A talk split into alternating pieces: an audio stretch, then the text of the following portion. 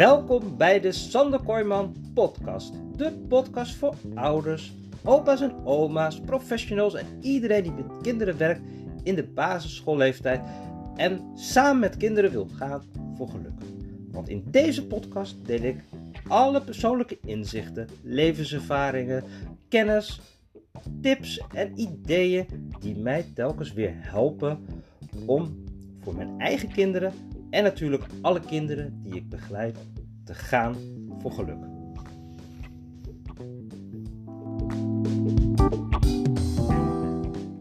Welkom bij de Sander Kooijman podcast, de podcast voor ouders en professionals die samen met kinderen willen gaan voor geluk. En vandaag neem ik je mee naar een schoolmaatschappelijk werkcasus.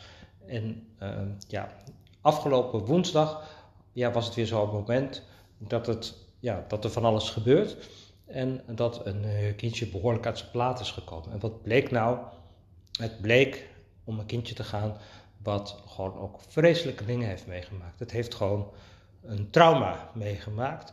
En ja, dat is heel lang verborgen gebleven. Dan komt het er in één keer uit. Traumasporen, de koffer gaat open. Daar wil ik het vandaag met je over hebben. Hoe dat dan zo een beetje gaat. En dan, ja, deze casus is natuurlijk een beetje te warm nog uh, om het nu te over te hebben. Maar in het schoolmaatschappelijk werk kom ik geregeld uh, casussen tegen waarbij we uh, kinderen dan in één klap echt helemaal volledig door het lint gaan. Heel, heel heftig. Zo'n ontzettend heftige situatie. Nou, dan kan je bijvoorbeeld echt denken dat het echt behoorlijk escaleert. Dat een leerling uh, aan het vechten is op school met een, uh, met een conciërge of met een leerkracht. Of dat er een stoel, door de ruit gegooid is. Nou ja, echt van die hele heftige explosies. Um, ja, waarbij je denkt van, dit zijn situaties dat hoort gewoon niet thuis op een basisschool. En dat klopt natuurlijk helemaal. Ontzettend veel impact op het personeel, op het kind, op andere kinderen. En dat is eigenlijk wat je niet wil. Want je wil dat de kinderen gelukkig zijn. Je wil gaan voor geluk. Maar hoe kan je gaan voor geluk als je zoiets heel heftigs hebt meegemaakt? En uh, ja, in, op school, hè, er zitten gewoon in elke klas zitten er gewoon kinderen die een koffer bij zich hebben. In die koffer zit van alles, maar je weet eigenlijk niet wat. Er zijn gewoon in elke klas zijn er kinderen die thuis ooggetuigen zijn van huiselijk geweld, misschien wel seksueel misbruik hebben meegemaakt of een heel ander heftig agressief incident uh, hebben meegemaakt. Of nou ja, zo zijn er tig situaties uh, die traumatisch kunnen doorwerken. Hè, denk eens eventjes aan alle kinderen met de vluchtelingenachtergrond, wat die allemaal hebben meegemaakt. Nou, daar, daar zitten ongetwijfeld ook uh, trauma's bij de kinderen. En ja, dus ze zitten gewoon in je klas. Ze hebben een rugzak bij zich of een koffertje. En in dat koffertje zit van alles. En je weet eigenlijk niet wat er in zit. Dat is natuurlijk heel, heel lastig. En uh, wat er soms gebeurt is dat deze kinderen door iets worden getriggerd. En in één klap ja, zitten ze weer terug in die traumatische gebeurtenis. En reageren ze vanuit een trauma, reactief ook best wel. En ze hebben dan vaak ook helemaal geen idee wat ze doen. Dit jongetje heeft ook helemaal geen idee wat hij doet. Die is helemaal, helemaal, uh, uh, helemaal weg is die. En die weten ook daarna ook helemaal niet meer wat hij ervoor gedaan heeft. Ja, dus dat, je kan ook niet echt een gesprek hebben meer over wat er dan gebeurd is. Maar het is natuurlijk super belangrijk dat als je, ehm, dat je weet wat nou triggers zijn voor zo'n kindje. Van wat zorgt nou dat hij helemaal in die situatie komt? En dat zijn vaak hele kleine dingen. Het kan soms een geur zijn, een blik zijn, of een woord wat gezegd wordt, of um, een, een, associatie in het hoofd. Dus het kan van alles zijn en ja, dat maakt het dus ook super moeilijk om, om uh, te ontdekken van ja, wat, wat, is het dan eigenlijk? En soms zijn het ook weer meerdere die elkaar afwisselen. Maar het is natuurlijk wel heel hulpzaam en heel belangrijk dat je als leerkracht een lijst hebt van oh, dit, maar dit zijn situaties die heel erg heftig zijn. En neem bijvoorbeeld een ruzie, als iemand huiselijk geweld heeft gemaakt en er is al iets van ruzie in de klas, ja, dan heb je kans dat er bij, bij, bij zo'n kindje van alles losgaat. dus ja, dus het is goed om uh, in kaart te brengen van ja, wat zijn nou de momenten dat een kind gaat. Bijvoorbeeld uh, vastpakken is er ook zo eentje voor kinderen. Ook super uh, bedreigend kan dat in één keer zijn als je zo'n trauma hebt meegemaakt. Nou, en ja, dus als je weet dat zo'n situatie, dat dat gebeurt, ja, dan kan je natuurlijk gewoon daar extra op letten en zorgen dat die triggers uit de omgeving wat verdwijnen. Of wat je ook kan doen is, als je de triggers weet, kan je gewoon meer nabijheid bieden. Dus uh, eigenlijk de eerste stap, wat je eigenlijk hebben deze kinderen, hebben natuurlijk hulp nodig. Dat is natuurlijk duidelijk. Hè, maar uh, op het moment dat je weet dat er trauma is, dan kan je natuurlijk hulp inzetten. Maar wat heel vaak gebeurt is dat, dat, dat we het niet weten. Je weet het als leerkracht niet, je weet het als hulpverlener niet. Hè, nu in dit geval wist ik het eigenlijk ook niet. Ik zag wel, ik dacht eigenlijk er moet een trauma zijn. Maar ja, als je geen trauma gebeurtenis hebt, als dat niet verteld wordt, en dat is ook heel interessant dat zowel het kind als de ouder, zowel in al die gesprekken hier gewoon totaal over verzwegen hebben. En dat is wat het ook gebeurt. Hè? Die traumatische dingen die zijn zo naar, die drukken mensen weg en ze vertellen er niet over.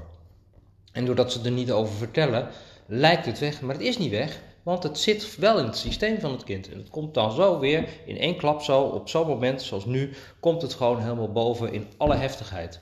Het gaat een eigen leven leiden en je kan het niet controleren. En het heeft heel ernstige gevolgen voor kinderen, omdat ze uh, heel erg alleen komen te staan, onbegrepen zijn en er wordt helemaal verkeerd gereageerd. Ze hebben veiligheid en liefde nodig en uh, geen uh, gele kaarten, ehm, straf, boze reacties van anderen.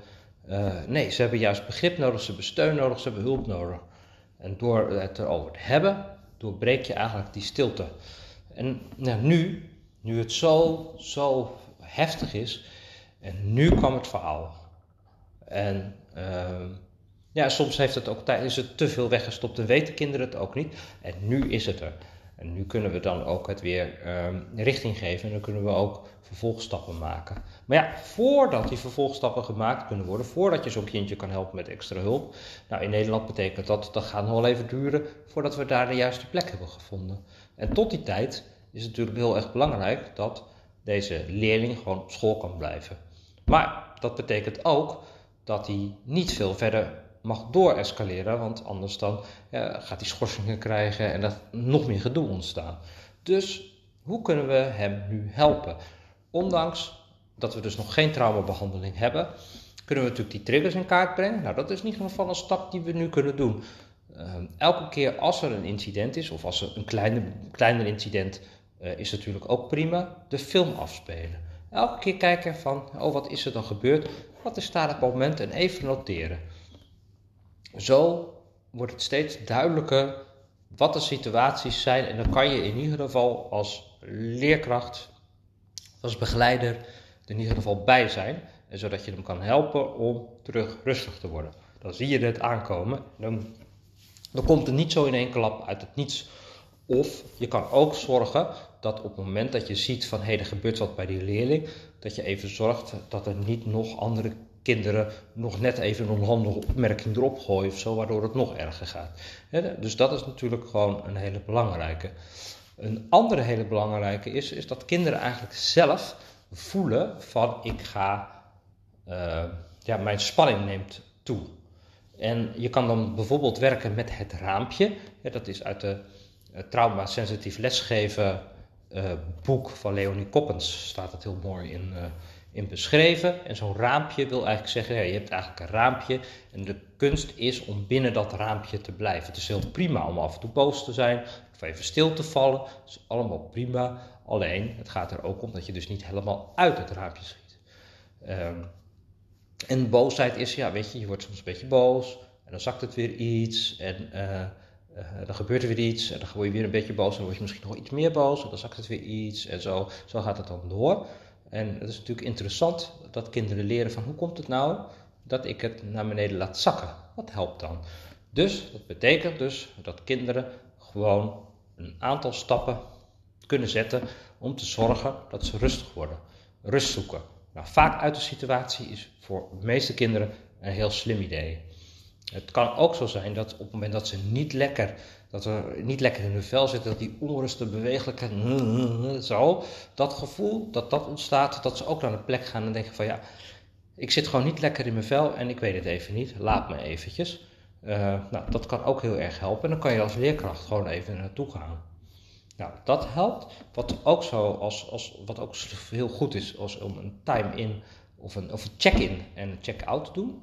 Dat je gewoon um, voordat het kind binnenkomt, dat je even kijkt hoe staat het erbij. Sommige kinderen hebben thuis gewoon alles meegemaakt. En die komen eigenlijk al a-relaxed binnen. Nou, dat is fijn dat je dat al ziet aankomen als leerkracht. Dan weet je dat in ieder geval. En dan weet je dat er niet zoveel nodig is dat hij doorschiet. Dus dan kan je daar ook rekening mee houden. En dat geldt, ja, bij eruit is dat natuurlijk ook fijn. Van, zijn er nog dingen die nog besproken moeten worden? Zijn er nog, nee, fijne dag geweest? Nou, is goed. Nou, sluit je dat mooi af op naar het volgende. Dat is ook een hele mooie. En het mooiste is uh, dat je uh, hè, met deze tips, dan kan je toch al een aantal dingetjes doen, zo in de klas. En uh, waarmee je kinderen gewoon direct helpt om ja, zich wat meer bewuster te worden eigenlijk ook van die emotiewereld. Dus, en vooral te zorgen dat het niet escaleert. Want dat is, dat is wat er nu uh, niet moet gebeuren. We willen niet dat het nog een keer escaleert. Dus ja, dus wat je eigenlijk als leerkracht dus eigenlijk altijd kan doen, is zorgen dat je die triggers heel goed in kaart hebt gebracht. Nou, dat is één. Dat kan je eigenlijk altijd doen bij ieder kind. Dus als je kinderen ziet exploderen, kan je altijd kijken van hey, wat zorgt nou dat die trigger uh, veroorzaakt? Speel de film af. Wat ging er nou helemaal voor? En als je dat elke keer doet, krijg je steeds meer inzicht erin en dan weet je dat. Nou, een tweede is denk ik heel belangrijk dat een kind gewoon echt een aantal manieren heeft van op het moment dat ik te boos ben, dan word ik op die manier rustig. Dat scheelt ook. Daar kan je nog niet mee voorkomen, want dan moet je kind leren uh, of dan helpt het kinderen om ze te leren hun emoties te reguleren. Uh, ja, dat is een heel proces. Uh, en dat gaat eigenlijk eh, vooral ook door te praten. Dat heeft gewoon ook tijd nodig. Uh, dus dat is een moeilijkere. Nou, als schoolmaatschappelijk werker help ik daar natuurlijk kinderen mee. Ook dat is een preventief stuk. Kan je gewoon ook doen. En dat zijn eigenlijk gewoon de stappen die je dus nu kan doen om kinderen al te helpen voordat die traumabehandeling eigenlijk allemaal start is dit gewoon waar je gewoon vandaag mee aan de slag kan gaan. En uh, ja, dat helpt gewoon dat het niet escaleert, want deze kinderen hebben het niet nodig om, um, om van school af te gaan. Dat helpt gewoon niet. Het gaat gewoon ze niet gelukkiger maken.